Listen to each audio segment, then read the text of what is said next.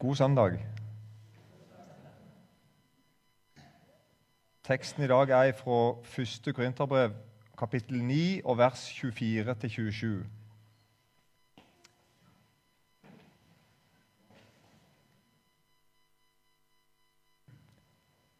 Vet dere ikke at på stadion deltar alle i løpet, men bare én får seiersprisen? Løp da slik at dere vinner den. Seierskransen laget av olivengrener eller laurbær. Vin, eh, vinnerne av idrettskonkurranser fikk en slik lagt på hodet. Alle som deltar i kamplekene, må nekte seg alt. De gjør det for å vinne en seierskrans som visner. Vi for å vinne en som aldri visner. Jeg løper derfor ikke uten å ha et mål. Jeg er heller ikke lik en nevekjemper som slår i løse luften. Nei, jeg kjemper mot meg selv og tvinger kroppen til å lystre, for at jeg ikke som har forkynt for andre, skal selv komme til kort. Sånn lyder Herrens ord.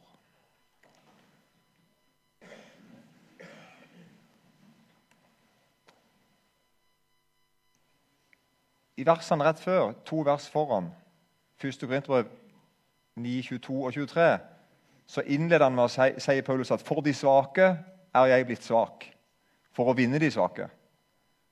For dem alle er jeg blitt alt, for i alle fall å frelse noen. Alt gjør jeg for evangeliets skyld, for at også jeg kan få del i det. Så vi ser her at Paulus skiller ikke mellom tjenesten sin, altså kalde tjenesten han har for Gud, og livet, altså hans barneforhold til Gud. Paulus deler ikke opp kroppen sin liksom, og tenker, livet sitt og sier at jeg er, jeg, er, jeg er, kristen, og så er jeg sønn, og så er jeg tjener. eller Selv om vi kan gjøre det òg. Men her sier vi som Paulus det er hele meg jeg snakker om nå. Dette er hele meg. Dette er livet mitt. Uten å liksom dele det opp i, i, i, lag. Selv om vi kan gjøre det òg noen ganger. tenke at Vi må ikke bare snakke om å være tjenere, må vi snakke litt om å være barn òg. Men her ser vi Paulus sier at dette er hele meg, og alt dette gjør jeg for å frelse noen. Og så har jeg skrevet her at det, Dette er kanskje uvanlig for oss. og med oss som er sånn typisk bedehusfolk, iallfall der som jeg kommer ifra, og det er ikke så langt herifra, så er det, så er det Vi snakker ikke sånn. Vi går, vi går, ikke ut for å vinne, sånn i kristelig sett. Vi går ut for å gjøre så godt vi kan, i beste fall. Kanskje ikke det engang. Vi går ut for å gjøre grann, eller iallfall stille oss til rådighet, eller noe sånt. Det er litt sånn bøllete å si at vi skal ut og vinne.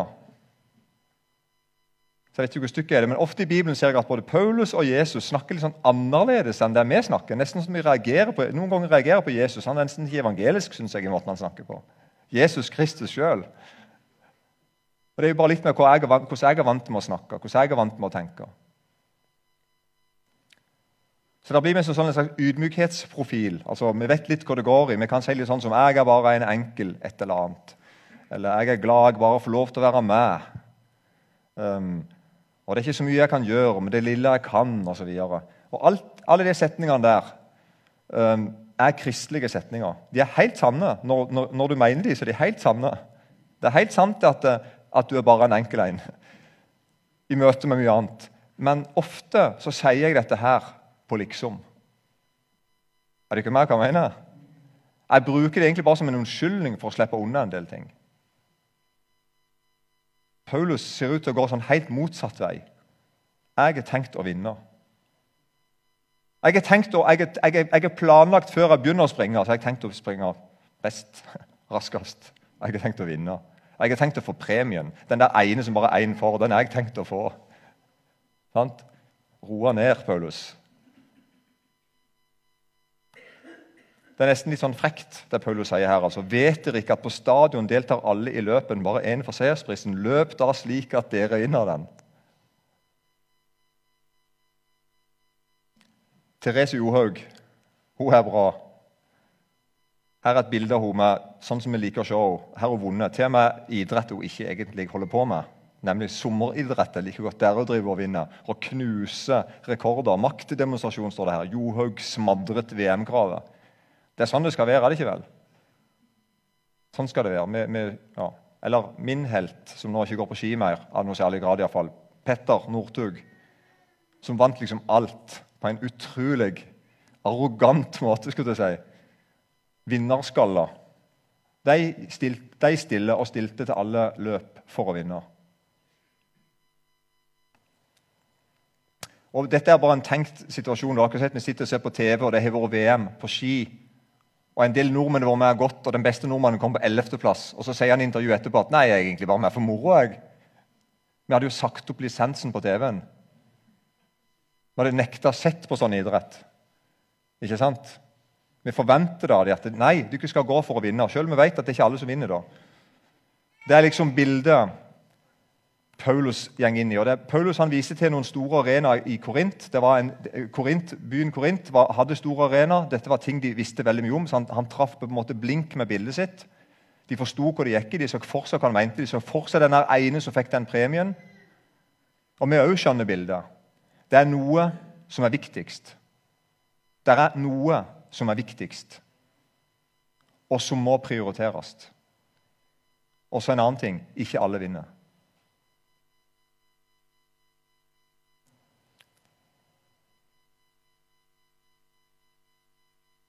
Og Den kampen som Paulus viser til, Hvis vi leser kapitlene ellers i Bibelen, og i kapitlene foran og etter her, som i dagens tekst, så ser vi at eh, Paulus kjemper mot seg sjøl, mot sin egen egoisme, mot uh, lysten til å, ha, å prioritere seg sjøl, lysten til å gi opp.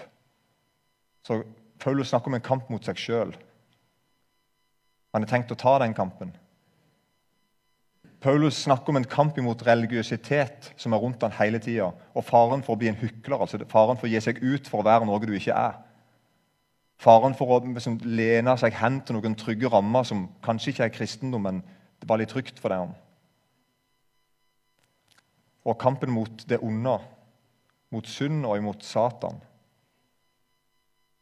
Og kanskje mest kampen mot trelldom, altså det å få et feil forhold til Gud. At jeg, jeg, jeg tror jeg må gjøre meg fortjent til å være elsket av Gud.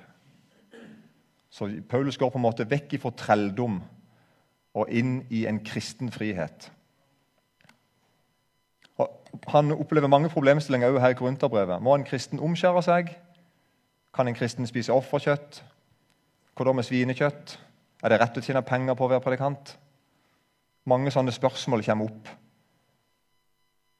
Og Her på en måte stender kampen for de første kristne og for de kristne. Og Paulus sier at vi har en stor frihet med kristne, men så sier han likevel jeg, er fri til å gjøre nesten hva jeg vil, men jeg vil ikke. For jeg vil ikke misbruke friheten min hvis det fører noen andre vekk fra Jesus. Så han, Paulus er fri friere enn noen annen menneske nesten vi har lest om. Og Likevel sier han jeg er en trell på en måte for å tjene menneskene. Paulus prioriterer sin neste. Paulus prioriterer meg og deg. Han har omsorg for livet og for evigheten til de andre.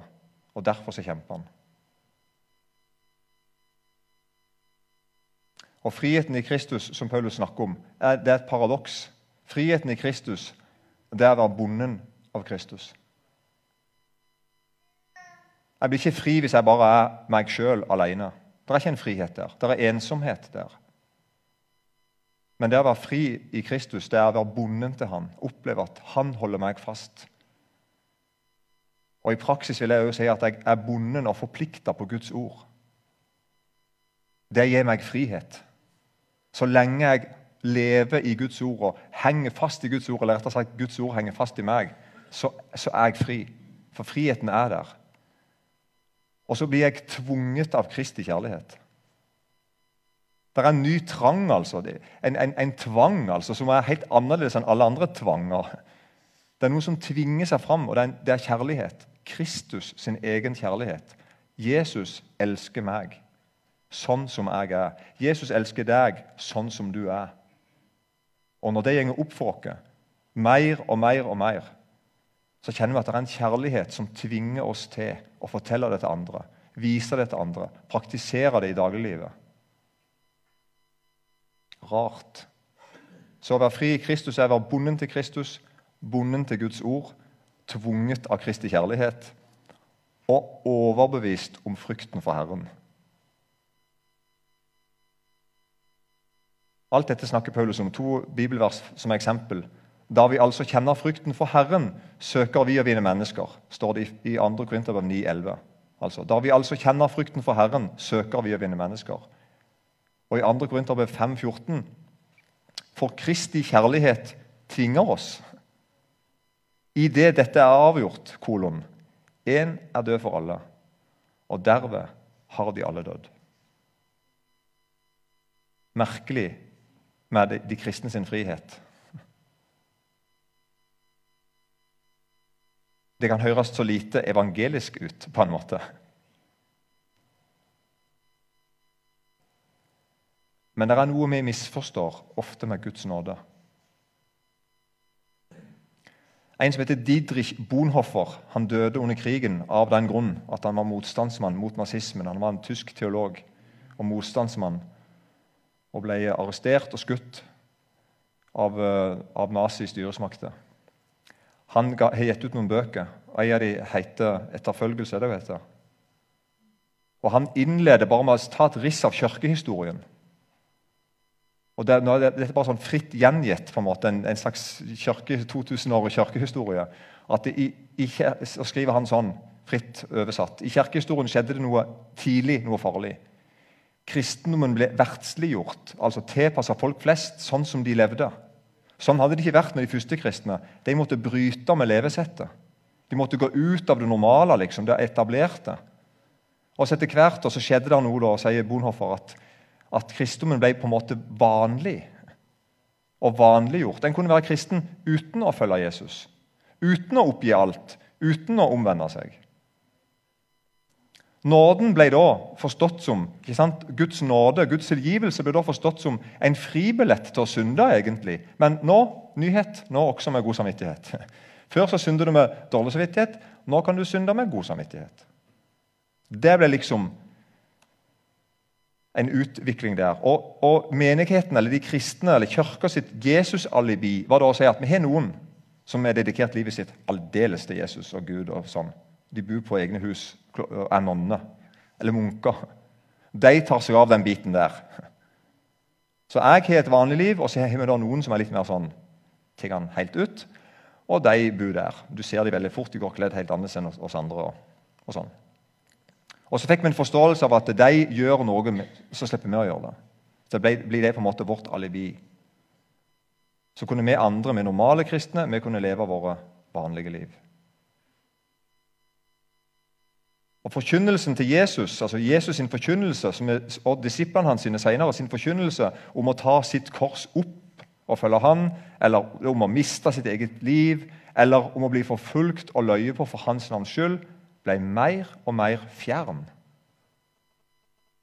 Kristne begynte i stedet å takke Gud for at de slapp alt dette.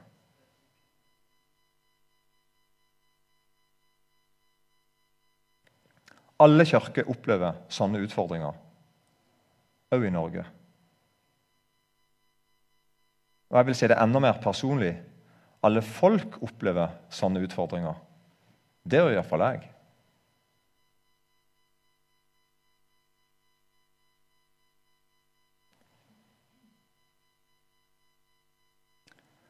Og så etablerer da Bonhoffer uttrykket 'billig nåde', som selvfølgelig ikke fins.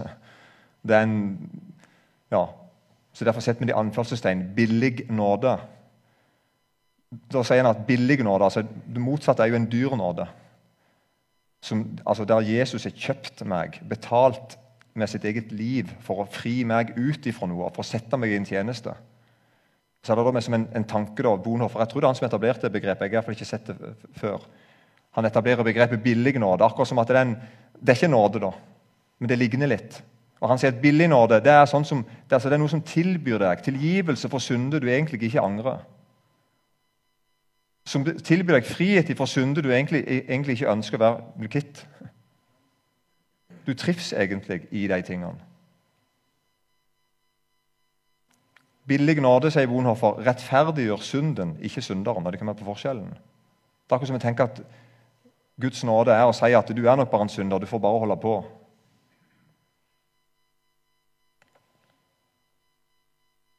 Og videre at Forskjellen på kristne og ikke-kristne blir da egentlig ingenting annet enn at de kristne har fått lov til å synde, eller bli tilgitt. Det er en forskjell med det, at Vi er akkurat som dere andre. vi får bare tilgivelse. Vi er prikk, prikk like. Vi lever akkurat det samme livet. Vi har alle de samme interessene. Vi gjør alt det samme, men vi har fått tilgivelse til å gjøre det. Eller tillatelse til å gjøre det, om du vil. Så jeg skrev i parentes at Det er mulig at kristne må stille opp på en del arrangement. og Noen av de er litt kjedelige. så Vi har kanskje noe vi må betale, da, men utenom det, da. Og videre da, altså i billig nåde der er ingen oppgjør, der er ingen omvendelse, og der er heller ingen frihet ifra syndet. Mennesker som har lært å tro på billig nåde, som tenker sånn, de blir veldig fort irritert eller skremt av forkynnelsen til Jesus særlig om å omvende seg og om å bekjenne synd osv. Ja, mange tenker at sånn må vi ikke tenke om Guds nåde.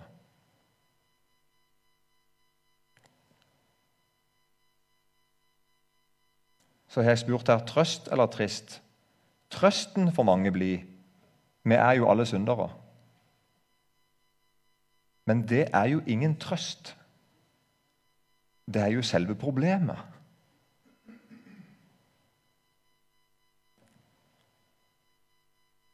Så når vi sier til hverandre at vi alle er syndere, så er det sant. Og det er nok noe vi skal minne oss på av og til hvis noen skulle få andre tanker. Eh, men allikevel, det er ingen trøst. Det hjelper meg ingenting at du òg er en stor synder. Det er problemet. Paulus har aldri trøsta seg til dette. Han, han roper det ut som et, som et, problem.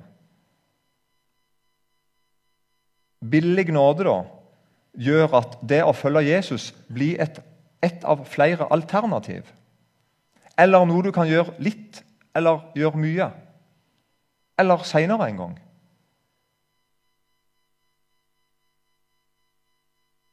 Og billig nåde blir, så blir det sånn at det å høre Jesus til, eller å være en kristen, som det heter, det blir, det blir noe annet enn å følge ham.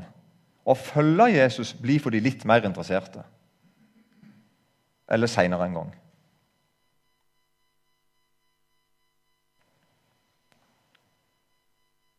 Når Jesus møter Matteus, tolleren Matteus i f.eks. Matteus 9,9 så står det sånn Da Jesus gikk videre derfra, så han en mann ved navn Matteus sitte ved tollboden. Han sa til ham, 'Følg meg.' Og han sto opp og fulgte ham. Vi lar oss imponere av det, og vi tenker 'wow'.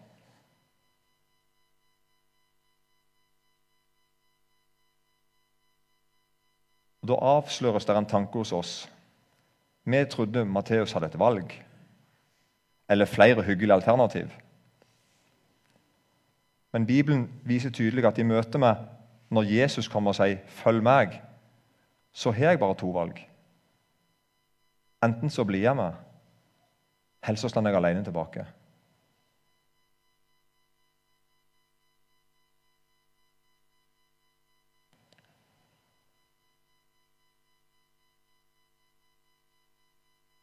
Dyr nåde eller nåde, om du vil. Det er skatten i åkeren. Eller det er den kostbare perlen. Jeg skal bare ta de to korte lignelsene til Jesus, som er helt fantastiske. Dette er på en måte kontrasten til billig nåde, som tilbyr deg et Det, er akkurat nå jeg presentert. Her kommer, her kommer det rake motstykket til billig nåde, nemlig nåde. Guds nåde. Matteus 13, 44-46. Himlenes rike er likt en skatt som var skjult i en åker. En mann fant den og gjemte den igjen. I sin glede gikk han så bort og solgte alt han eide, og kjøpte åkeren. En veldig rar fortelling, rett og slett. Neste fortelling. Igjen er himmelens rike likt en kjøpmann som søkte etter vakre perler. Da han så fant en meget verdifull perle, gikk han bort og solgte alt han eide, og kjøpte den. Det er noe sånn helt uhørt i begge disse fortellingene, og som er helt klart hovedpoenget til Jesus. Nemlig at ingen gjør jo sånn. Det sier seg jo sjøl. Hvis du snubler over en skatt på en åker, og så går du og selger alt du eier Du sitter igjen med absolutt nøyaktig ingenting. Og så sitter du på det jordet der med denne skatten. Så hadde ingen av dere rundt deg blitt spesielt imponert. skulle jeg si. Ikke før du eventuelt hadde brukt den skatten til noe. Er du med? Det er en rar fortelling. Og på en måte Gi fra seg alt jeg har, kvitte meg med alt jeg har, investere kun i én skatt i en åker. Han første var en fyr som bare ser ut som dumte over denne skatten. da det var en mann fant den. Han andre det er en kjøpmann som driver på å kjøpe vakre, vakre perler. Det er dette han driver med. Han leter etter vakre perler. Det er dette som han jobber med. Og så En dag da, så finner han ei perle som er så verdifull for ham at han selger alt han eier, og kjøper den ene perla. Så da sitter han kjøpmannen da, og eier ingenting annet enn ei perle. Det er en rar fortelling. Det bør forundre oss. Det bør få oss til å tenke Hæ? Hva er, det, hva er det disse to her gjør? Hvorfor forteller Jesus denne fortellingen? Og Det er det fordi vi er inne på nå. At når vi, når du finner den store skatten, når du finner perler, når du hører om hvem Jesus Kristus er, og hva han har gjort for deg, da begynner du plutselig å selge ut tingene dine. Og Nå mener ikke jeg bokstavelig talt at alle skal selge bilen sin og huset sitt osv. Det er ikke det det handler om. Det handler om mye mer enn det. Det handler om hele livet ditt. Det handler om at du sier at dette Jesus, dette jeg nå har sett, det er så stort at jeg vil, jeg vil kvitte meg med alt mitt, og så vil jeg investere det inn i alt ditt. De på utsida som ikke har sett skatten, de ser jo bare at fyren kjøpte en åker og tenker for en stakkar. Hva skal han med den åkeren? Han, ikke sant? Så de, de, rundt meg vil ikke se hva er det han investerer i, hva er det han er glad for, hva er det han er så gira på, hva er det han er så opptatt av. Og Derfor er det sånn at hvis ikke jeg har sett perler, eller sett den store skatten, så vil jeg oppleve bare alt tapet med det. Jeg vil snakke om alt jeg måtte betale, alt jeg måtte ofre, alt jeg måtte gi fra meg, alt det som ble dumt for meg, alt det som ble tungt for meg. Mens Paulus her han sier jeg gjør motsatt. Jeg satser alt på å vinne. Jeg går inn i kampen som først og sist handler om at jeg sjøl skal til himmelen, og de rundt meg skal til himmelen. Så går jeg inn i kampen og så satser jeg alt på det. Og Paulus gjør det ikke fordi han er lei seg, eller fordi noen er tvinger han til det, eller fordi han trakk det korteste strået. Han gjør det fordi han vil. Jeg vil vinne. Jeg vil springe. Jeg vil ha seiersprisen. Jeg vil nå fram. Jeg har lyst til det. Og Sånn blir det for meg og deg òg når vi begynner å se han der som elsker deg sånn som du er, og som kan gi deg syndenes forlatelse kan gi deg evig liv, kan gi deg frihet, kan gi deg trygghet. En som bryr seg om deg. Sånn var det for Paulus, og sånn endte det for Paulus. Og det er med han evig takknemlig. Sånn ble det for disiplene til Jesus stort sett. Og Sånn er det blitt for en haug med kristne etterpå. Og Sånn er det blitt i Bygde-Norge og Kristiansandsområdet. Og sånn er det blitt for meg og deg. Og sånn er det i Asia. Sånn er det for Viktor i huskirka. Det får bare koste, det, for jeg har funnet noe som er mer verd. Kjære Jesus, se i nåde til oss.